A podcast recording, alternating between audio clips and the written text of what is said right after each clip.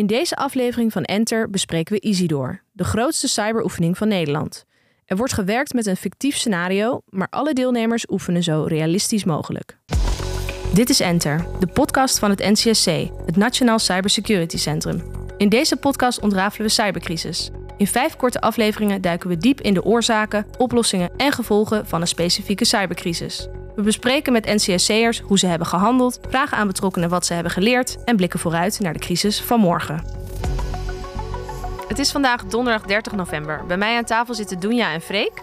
Dunja Hachtingius is senior communicatieadviseur bij het NCSC en zij was ook betrokken bij de voorbereiding van Isidor.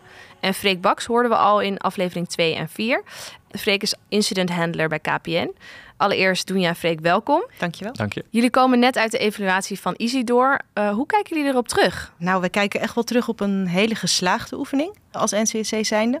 Wat ik vooral een, een, nou, een hele positieve noot vond, is dat ik van heel veel deelnemers heb gehoord dat ze het echt hebben ervaren als een echte cybercrisis. Dus ook de dynamiek en de stress die je dan kan ervaren, de ja. adrenaline die dan, uh, die dan loskomt, uh, dat was ook echt merkbaar op de vloer. Dus dat is, uh, dat is denk ik heel erg positief. En bij KPN? Ja, na afloop was iedereen zeer enthousiast en trots dat we dat binnen KPN dat incident zijn, zijn doorgekomen klopt inderdaad dat we het echt als een crisis hebben ervaren. En dat uh, vooral uh, in de laatste uren van de crisis de stressniveaus ook wel omhoog gingen. Maar dat er daardoor juist ook achteraf een soort voldoenend uh, gevoel overbleef van oké, we hebben dit met z'n allen doorstaan. En natuurlijk zijn er ook misschien dingen waar we niet het beste uit zijn gekomen. Maar over het algemeen was iedereen trots op de manier hoe het is gegaan. Zeker.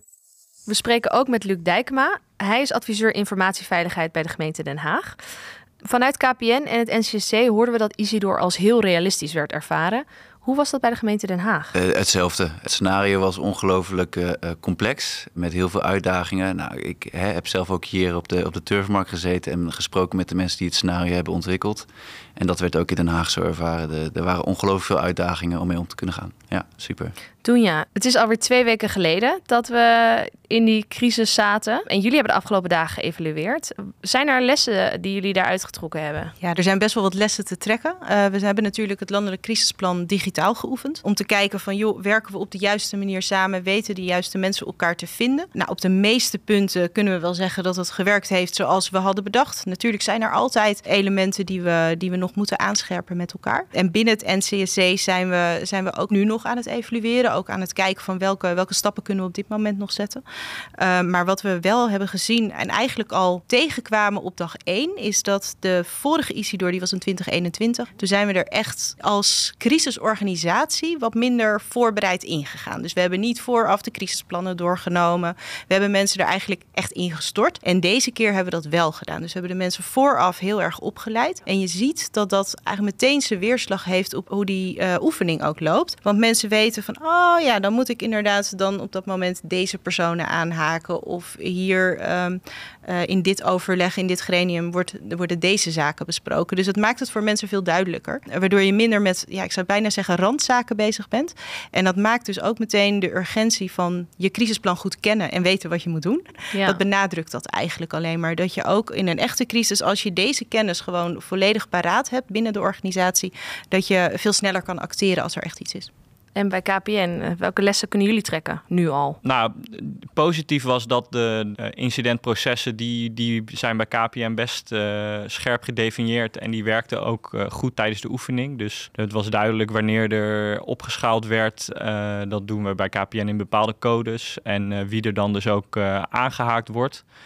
Wat de grootste uitdaging was, dat merkte je vooral op de laatste dag, waarin er echt mogelijk uh, grote impact zou zijn. Uh, dat er met weinig informatie keuzes gemaakt moesten worden, echt op het hoogste niveau. En dat daarin er een uh, soort conflict kan zijn tussen zakelijke belangen en technische belangen. En dat was ook voor, voor mijzelf en mijn directe collega's die meer aan de technische kant zitten, ja. een leermoment om op dat moment echt de regie te pakken en goed te kunnen overbrengen aan de medespelers, de andere KPN'ers, dat we als we niks doen ook risico lopen. Dat er echt moeilijke keuzes gemaakt uh, moeten worden. Dus dat was voor mezelf ook zeker een, een van de leermomenten ja, je weet nooit precies wat er gaat gebeuren als je bepaalde dingen uitzet en wat voor een invloed dat heeft. En daarin moeten wij dus adviseren in, oké, wat zijn de risico's als we het wel doen en wat zijn de risico's als we het niet doen. En dan ligt de keuze uiteindelijk bij het hoger management van KPN. Alleen daar moeten wij dan dus zo, zo duidelijk mogelijk in proberen te adviseren. Wat zijn de gevolgen als we bepaalde keuzes uh, maken. Ja, dus daarom is die oefening natuurlijk ook zo belangrijk dat je dat nu al doorloopt, zodat je niet straks in een echte crisis dit nog moet bespreken met elkaar van welke afwegingen wegen nu het zwaarst. En hoe is dat bij het NCC doen? Ja, merken jullie daar ook een conflict tussen bepaalde partijen waarmee je samen zo'n crisis uh, probeert uh, nou, lossen? Niet direct. Het NCSC is er voor de, met name de vitale infrastructuur in de Rijksoverheid. Dus deze partijen die proberen wij zo goed mogelijk te servicen met de informatie die wij, uh, die wij hebben. Daar krijg je weinig belangenverstrengeling. Waar wij deze keer wel ook een extra stap hebben gemaakt in hoe wij onze crisisstructuur hebben ingericht. Is we hebben gezegd vanaf het moment dat het naar een nationale opschaling dreigt te gaan, dat was in dit geval dag 2, gaan we werken met twee verschillende crisisteams. Eén ehm, echt voor de operationele zaken, zodat klanten goed geserviced worden, dat mensen daar gewoon uh, kunnen doen wat ze moeten doen. En daarnaast, ook een belangrijk tak van ons werk, is de nationale structuur, meer de politiek-bestuurlijke kant, ook goed informeren met wat is er nou eigenlijk feitelijk aan de hand. Dus daar hebben we een apart crisisteam opgezet. En deze crisisteams hebben naast elkaar gedraaid. En dat is eigenlijk heel goed bevallen. Dus daar hebben we wel een slag kunnen maken die we wel verder gaan onderzoeken ook. En al deze lessen, wat betekent dat nu voor de toekomst? Gaat er iets op korte termijn, ofwel binnen KPN ofwel binnen NCSC, echt veranderen? Is dat nodig? Nou, zo, zo op het eerste gezicht, met, met de manier waarop we nu onze crisisstructuur hebben ingericht, zie ik geen hele grote noodzakelijke veranderingen. Uh, natuurlijk zijn er wel, uh, wel kleine, uh, kleine aandachtspunten. Dus wat we, wat we nu aan het doen zijn, is dat allemaal naar boven halen uit alle evaluatiegesprekken. Ja, ja bij, bij ons zijn er ook niet direct dingen waarvan we denken die moeten nu echt anders. Wel is het natuurlijk zo dat we, dat we lessen die we hieruit uh, nemen, meenemen in uh, hoe we als uh, CISO-organisatie KPN in de toekomst nog beter willen beveiligen. En ja, welke, welke controlemaatregelen ja, we in de toekomst nog zouden willen die kunnen bijdragen om nog sneller zo'n incident te kunnen oplossen. Luc, welke lessen heeft de gemeente Den Haag uit Isidor getrokken? Oeh, dat is nog wel heel vroeg om te zeggen. Maar we hebben al wel heel veel dingen gezien die goed zijn gegaan. Uh, vooral de onderlinge samenwerking tussen de verschillende personen. Daar hadden we daarvoor ook op getraind. En kregen al mee dat we een hele veilige situatie creëerden. Dus iedereen voelde zich oké genoeg om echt te kunnen oefenen. En ook met elkaar in overleg te gaan. Dus dat is denk ik al een heel positief punt. En we zagen natuurlijk ook dingen, die keuzes die werden gemaakt, waarvan we zouden zeggen: ja, zou je dat in het echt ook zo hebben gedaan?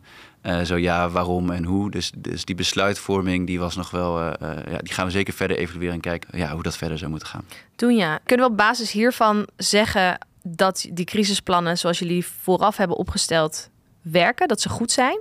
Uh, op hoofdlijnen denk ik, uh, denk ik zeker. Hier en daar zijn er uh, accentverschuivingen wellicht. Maar um, nee, op hoofdlijnen zitten ze goed in elkaar en zijn ze, zijn ze werkbaar. Ja, ook bij, bij KPN hebben we gezien dat er veel ervaring is met incidenten, al dan niet uh, cyber gerelateerd. En dat die processen die daarvoor zijn opgesteld goed werken en zorgen dat we de juiste mensen snel aan tafel hebben. Van het NCC en um, ehm, KPN begrepen we dat het belang van een goede voorbereiding en het up-to-date houden van je crisisplannen heel belangrijk is. Herken jij dat?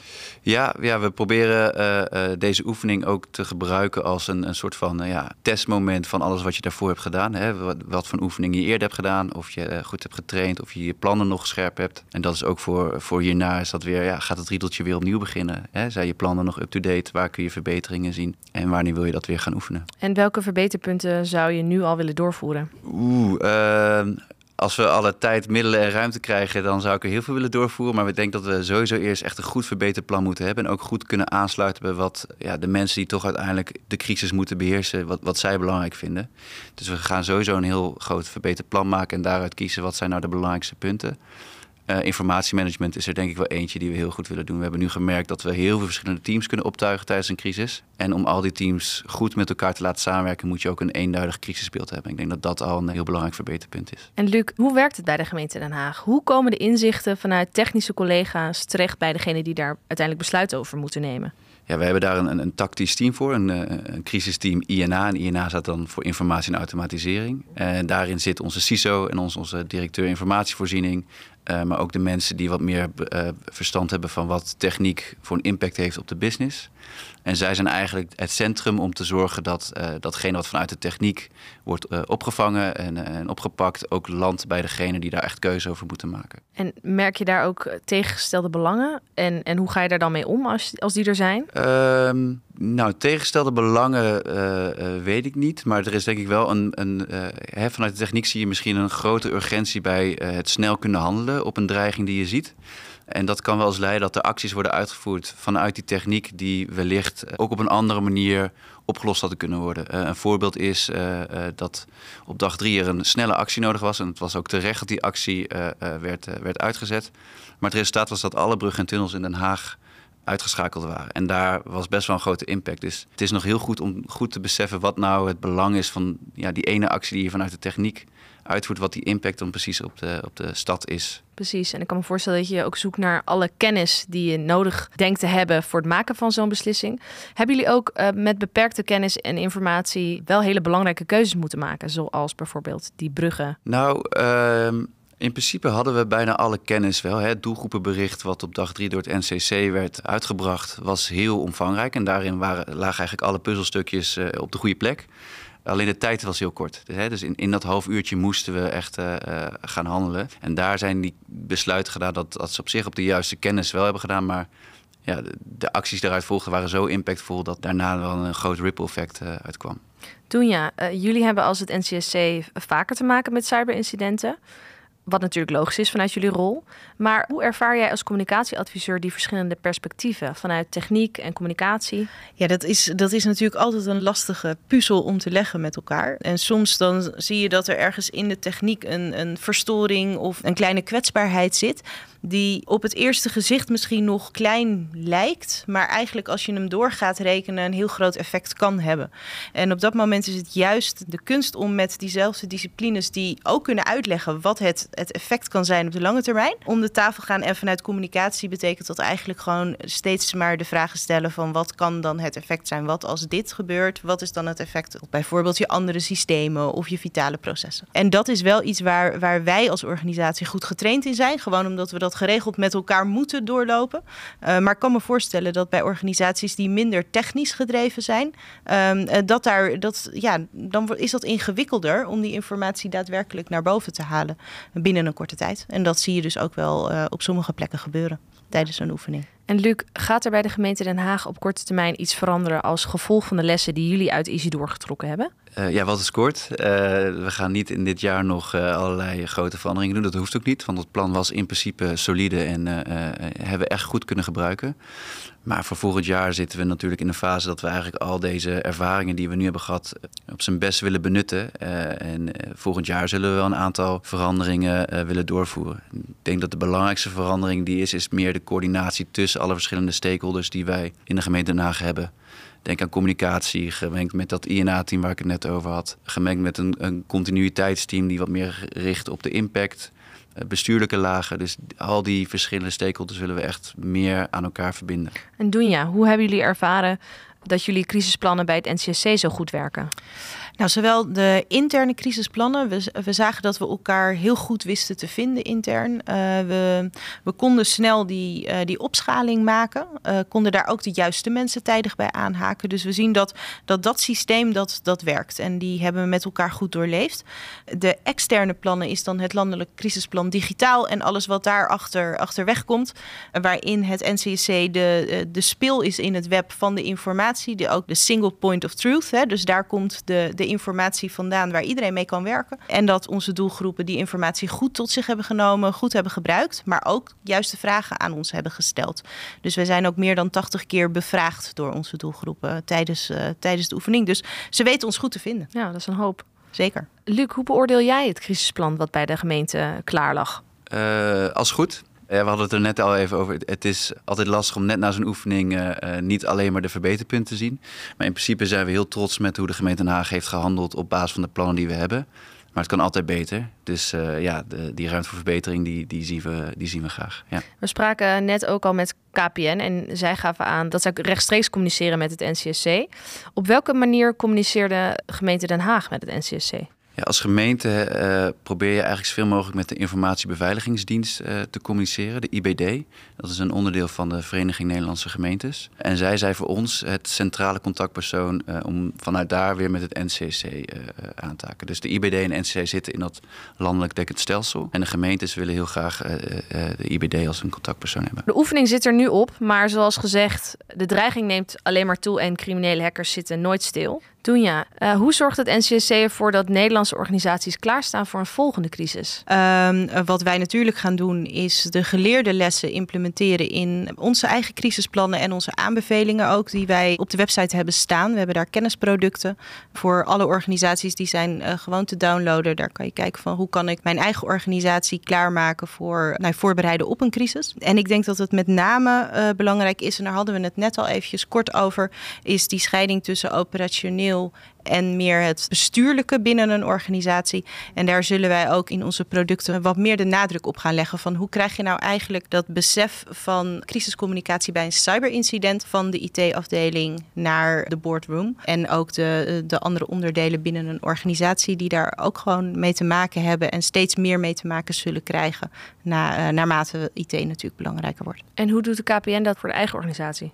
Ja, we zijn natuurlijk uh, constant bezig met het uh, verbeteren van uh, KPN's verdediging. En specifiek op incidentprocesmanagement worden er ook processen verbeterd en ingericht. En dit soort oefeningen zijn daar natuurlijk perfect in om en te zien of we op de goede weg zijn en eventueel bij te sturen waar nodig. En het duurt nog even tot de volgende Isidor-oefening plaatsvindt. Gelukkig kan je er goed op voorbereiden. Luc, op welke manier bereidt de gemeente zich in de tussentijd voor een misschien wel echte volgende cybercrisis? Ja, we hebben een, uh, een doel om eigenlijk elk jaar wel aandacht te hebben voor het, uh, de dreiging van de cybercrisis. Dus wat we eigenlijk volgend jaar willen doen is een soort van verbetercyclus gaan opzetten. Kijken wat we nu hebben geleerd, dat gaan verbeteren in onze plantvorming en dat op lichte variant weer testen volgend jaar. En op basis van wat we daar horen en, en, en zien, willen we nog beter voorbereid zijn voor Isidor over twee jaar. En dan willen we eigenlijk weer met dezelfde scope of misschien wel groter weer aan deze oefening kunnen doen. Omdat Isidor natuurlijk een, een oefening is met een hele grote complexiteitsgehalte. Ja, die wil je optimaal kunnen benutten. In de eerste aflevering spraken we al met Hester Somsen en Hans de Vries, eh, directeuren van het NCTV en de NCSC, de twee organisaties die ook Isidor organiseren. Vandaag spreken we Hester weer. Hester, welkom. Dank je. Ik ben eigenlijk heel benieuwd, hoe is Isidor voor jou geweest? Uh, nou, allereerst, ik was voortdurend blij dat het niet echt was. Want wat dat betreft was het uh, scenario, en ik geloof dat jullie daar ook al het nodige uh, over verteld hebben, was er echt een waarvan je denkt, oké, okay, het kan realistisch zijn, maar het betekent wel dat we echt een grote klus te klaren hebben met z'n allen. En het mooie is dat we dat ook gedaan hebben. Dus wat mij betreft gewoon supergoed om, uh, om dit zo te doen. Ik vond uh, de deelnemers allemaal enthousiast. Er was een hoge betrokkenheid van, uh, van iedereen. En we zagen ook een enorm goede samenwerking tussen de verschillende partners. En kun je daar iets meer over vertellen? Hoe, uh, ja, hoe jullie dat gemerkt hebben of waar dat uit bleek? Ja, nou wat je, wat je zag was dat uh, het NCC echt iedere keer gezien werd als het single point of trust. En ik denk dat dat heel mooi is. Hè? Dus ook van wat is er nou eigenlijk precies gaande? En wat natuurlijk heel moeilijk is in een cybercrisis, dat je dat heel lang niet weet.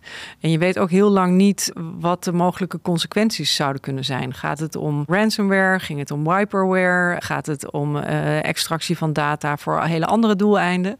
Dus er zitten heel veel onzekerheden in zo'n cybercrisis. En dat is ook iets waar we mee te dealen hebben. Uh, en wat je dus ook merkt, dat je hebt eigenlijk twee werelden. Je hebt de wereld van degene die zich echt bezighouden met het oplossen van uh, wat er voorbij komt vanuit echt cyber en, en en, technisch perspectief. En uh, de wereld van de mensen die uh, nou, aan, aan de ene kant buiten in het publieke domein heel veel onrust. Terwijl er eigenlijk nog niet zo heel veel aan de hand is. Maar je hebt ook die onrust te managen. Dus het gaat er ook over van wat, begint, wat speelt zich af in het fysieke domein. En dat vond ik mooi om ook te zien hoe kan je die twee werelden nou wel goed bij elkaar brengen. En zeker op uh, het niveau waar ik op geoefend heb. Dus met de verschillende DG's van de verschillende departementen. Maar ook de betrokkenen vanuit de veiligheidsregio. Communicatie die daar een belangrijke rol in speelt. Om die werelden wel weer bij elkaar te trekken. En je, je geeft net aan, iedereen wist eigenlijk het NCC heel goed te vinden. Ja. En hoe kijken jullie terug op de, ja, de rol die NCTV en NCS, ja, misschien, misschien ook de NCC dan, maar uh, gespeeld hebben tijdens Isidor. Is dat allemaal goed verlopen? Heb, is dat allemaal duidelijk geweest voor de deelnemers? Nou, dat laatste dat moet je vooral aan de deelnemers ja. vragen. Um, maar volgens mij wel. En je zag ook, uh, de NCC heeft echt zo'n operationeel coördinerende rol. Dus die uh, moet ook echt al die informatie binnenkrijgen. daar nog steeds een oproep om zoveel mogelijk te delen. Want lang niet altijd stonden de communicatiekanalen goed open. In het begin heel sterk en daarna werd het weer wat stiller. Dus dat is echt een oproep en ook een les voor, voor de toekomst. Waar kwam dat door? Heb je daar een idee van? Nee, dat, dat weet ik zelf nog niet. Want, ja, ik denk dat iedereen natuurlijk gewoon hartstikke druk bezig is met, uh, met zijn eigen crisis. En dan, ja, dan moet je dus ook ergens iemand hebben die ervoor zorgt dat die informatiestromen blijven, blijven gaan. Dus dat is een belangrijke. En het andere wat belangrijk was, denk ik ook wat we als NCTV dan vooral proberen te doen, is eerst het beeld vaststellen. Hè? Dus zowel op technisch gebied, wat we dan vanuit het NCC krijgen, maar ook van wat betekent dat. En ook de, de rol die we hebben kunnen spelen om te kijken hoe zou je omgaan met verdringingseffecten. Stel je voor dat je in twee of drie verschillende vitale sectoren echt ernstig gebrek aan eigen IT-personeel, NCC ook uh, tekort. Dus we hebben natuurlijk het Nationaal Responsnetwerk waar je dan op kan trekken. Maar dat we ook met elkaar hebben geoefend van wat betekent dat als je daar prioriteiten in zou moeten stellen en aan de hand waarvan doe je dat. Uh, dus wat mij betreft was dat echt iets heel waardevols waar we nou, dit nu met stoom en kokend water hebben gedaan. En geeft ons nu weer de gelegenheid om daar goed naar te kijken. Hoe doe je zo'n verdringingsreeks? Um, en het andere wat denk ik ook heel goed was, ik noemde net die onzekerheid hè, in zo'n cybercrisis. Dat we daarom ook veel meer met scenario's moeten werken. En het liefst een basisscenario, wat dan iedereen meeneemt naar zijn eigen sector, naar zijn eigen uh, bedrijf of entiteit om te kijken van als dit het zou zijn, wat zijn dan de consequenties voor mij? En dat, dat schakelen tussen wat zien we in de realiteit en wat is het scenario vergt ook veel, maar is wel nodig om uh, een beetje vooruit te kunnen kijken en ook af te wegen op welk moment zou je welke maatregel moeten nemen. Um, schakel je iets preventief uit of niet? Wat zijn de consequenties daarvan? Uh, dus dat soort dingen gewoon goed meenemen. Niet alleen consequenties voor mijn eigen directe omgeving, maar ook voor anderen die daarvan afhankelijk zijn. Dat vond ik goede zaken die naar voren zijn gekomen. En zijn er uh, ook specifieke situaties die jou zijn opgevallen of hebben verrast misschien wel? Ja, wat ik heel leuk vond om te horen is dat we zoveel knappe koppen hebben bij uh, zowel het NCC, de Belastingdienst, maar ook bij KPN. Dat uh, de oefenleiding moest ingrijpen, want er was iets te snel een patch gevonden voor, voor hetgeen wat op ons afkwam. dus dus nou, dat, laat ik zeggen, dat geeft de burger moed. want het zijn ook ja, gewoon mensen met een hele hoop expertise die daar dan naar kijken en dat ook in een bepaalde mate van gezamenlijkheid doen. Dus dat vond ik ook mooi om te zien. Dat je elkaar daarin weet, weet te helpen. En natuurlijk is daar vervolgens weer iets ingebracht in het scenario, waardoor het wel weer moeilijker werd. Dus dat is, uh, dat is uiteindelijk wel, wel gelukt. Ze kwamen er niet zomaar mee weg. Ze kwamen er niet zomaar mee weg. En je moet natuurlijk, ja, het is ook de bedoeling van je oefening dat je niet op dag één klaar bent en dat er dan eigenlijk niks aan de hand is. maar het is wel een geruststelling voor de realiteit. Dus dat viel me echt op. Dat vond ik hartstikke mooi om te zien. We spraken eerder in deze aflevering al met Dunja, Freek en Luc van NCSC, KPN en de gemeente Den Haag. Ook over de evaluatie van Isidor. En uh, zij zijn over het algemeen heel tevreden over hun voorbereiding en ook de crisisplannen die zij hadden klaar liggen. Dat, die, dat ze die ook echt hebben kunnen uitvoeren. Maar uiteraard zien zij ook verbeterpunten. Wat zijn voor jou de belangrijkste lessen die uit Isidor getrokken kunnen worden? Nou, ik, ik noemde al hè, dat, dat uh, single point of trust van het NCC. Ik denk ja. dat dat echt een hele belangrijke is en ook een hele positieve opsteker. En ik denk ook dat we daar nog een stap verder in kunnen zetten door die informatieuitwisseling nog beter op, uh, op gang te, te krijgen. En er was aan de andere kant ook wel wat zorg over de bereikbaarheid dan van het NCC als, als alle ballen op het NCC zijn. Dus dat is iets waar we echt goed naar moeten kijken. Bereikbaarheid um, qua communicatie of bereikbaarheid? Nou, in, in de zin van hoe, hoe snel krijg je dan een antwoord en wie weet je op welk moment te bereiken. Dus dat is er echt wel eentje om. is natuurlijk vaker in een crisis. Uh, en hoe organiseer je dat, uh, dat goed? Um, over het algemeen, uh, wat ik terugkreeg ook, is dat het gewoon super waardevol is en ook echt aan een brede bewustwording bijdraagt. En dat merk ik ook heel duidelijk op mijn eigen niveau in zo'n ICCB, waar veel mensen zitten die niet normaal gesproken ook met cyber of digitale kwetsbaarheden te maken hebben.